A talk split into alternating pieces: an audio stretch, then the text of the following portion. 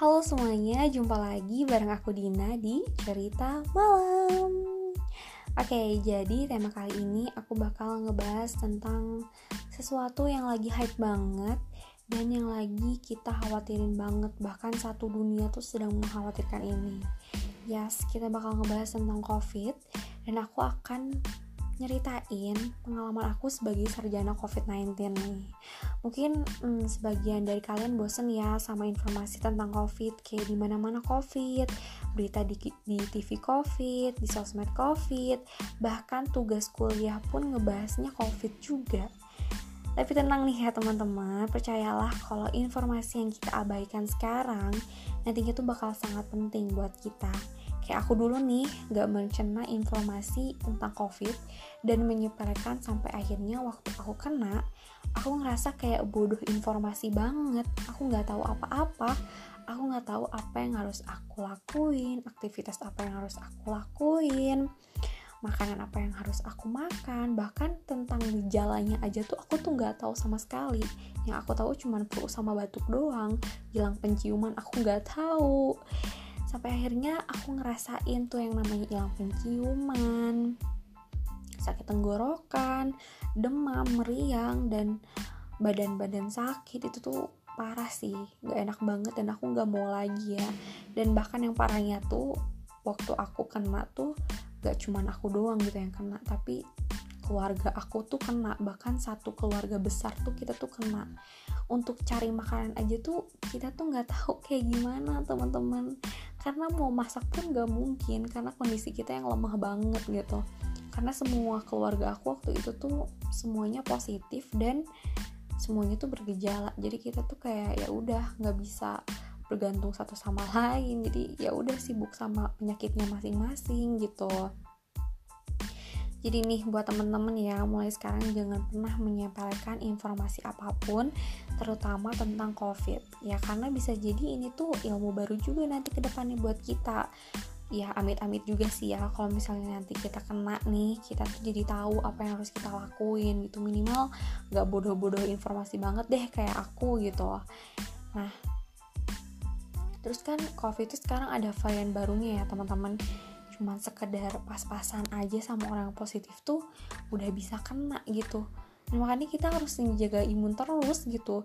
Dan aku sangat uh, menyayangkan banget sih sama anak muda yang masih suka nongkrong yang masih suka keluyuran di luar dengan waktu yang lama gitu. Duh please jangan dulu deh karena covid tuh lagi tinggi banget. Walaupun imun kita lagi bagus nih ya tapi kalau kita tanpa sadar ngebawa virusnya terus orang yang di rumah yang imunnya lagi rendah gimana kan? Who knows gitu. Walaupun kita ya aku bukan ngedoain sih ya. Cuman kan ya kitanya kalau misalnya nggak dari diri kita sendiri ya ya gimana dari siapa lagi gitu. Ya kurang-kurangnya deh pokoknya kalau keluar rumah tuh seperlunya aja gitu. Kayak cuma beli makanan sebentar it's okay. Sebenarnya banyak kok hal yang bisa kita lakuin yang bikin mood kita tuh naik selama di rumah. Kayak contohnya kita bisa kumpul sama keluarga ngobrol sama keluarga nonton film atau olahraga di rumah juga bisa workout di rumah juga bisa dengerin lagu. Terus kalau misalnya kita kangen nih sama teman-teman kita sekarang kan teknologi makin canggih kita bisa video call sama teman-teman gitu. Kayak bahkan bahkan kuliah juga tuh sekarang secara online gitu secara daring gitu ilmunya pun masih bisa tersampaikan dengan baik kan ke mahasiswa gitu. Karena zaman sekarang tuh kayak nggak ada gitu yang nggak mungkin. Semuanya bisa kok kita akses dengan mudah. Semuanya sangat mudah bisa kita dapetin bisa kita lakuin gitu. Jadi ya ngapain lagi gitu kita sibuk nyari kesenangan di luar di saat kayak gini itu sebenarnya bukan ngelarang tapi kayak please deh gitu situasinya tuh lagi nggak memungkinkan untuk kita lama-lama di luar gitu loh. Nah sekarang balik lagi nih ke kita. Apa sih yang mau kita utamain? Mau bahaya di luar atau aman di dalam gitu? Karena semua yang sakit tuh sekarang tuh lagi pada berjuang gitu teman-teman. Dan kita pun yang sehat selalu berjuang buat bertahan kok gitu. Dan kita juga harus mikirin gitu ya di situasi kayak gini tuh kita tuh nggak bisa mikirin diri sendiri kita harus mikirin orang lain mikirin petugas kesehatan yang kewalahan banget yang mereka tuh nggak bisa ngorbanin nggak ada lagi gitu yang bisa mereka korbanin gitu selain ngurus pasien selain bekerja gitu. Mereka juga kan punya keinginan untuk bisa kumpul keluarga istirahat di rumah gitu liburan gitu.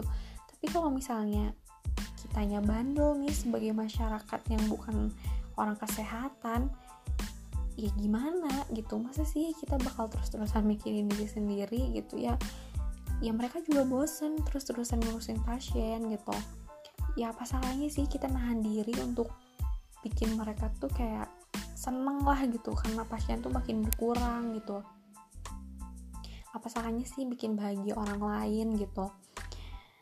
Kayak gitu teman-teman. Jadi please deh gitu ya mulai sekarang kita tuh harus jaga jaga kesehatan selalu patuhi protokol kesehatan jangan cuma pakai masker dan hand sanitizer aja tapi kalau keluyuran masih gitu dengan waktu yang lama gitu. Terus pakai masker cuma sekedar pakai doang nggak nggak digunakan manfaatnya gitu nggak digunakan secara baik gitu. Karena yang aku lihat nih ya teman-teman masih banyak juga nih orang-orang yang nongkrong tapi pas mereka ketemu sama teman-temannya tuh ya dibuka aja gitu maskernya gitu. Dan aduh aku sangat menyayangkan hal ini sih teman-teman. Karena kalau karena itu tadi kalau misalnya nggak dari diri kita ya dari siapa lagi? Kalau misalnya kita terus-terusan kayak gini ya kapan gitu covid bisa berakhir gitu kan? Kita juga bosen kan di rumah terus gitu.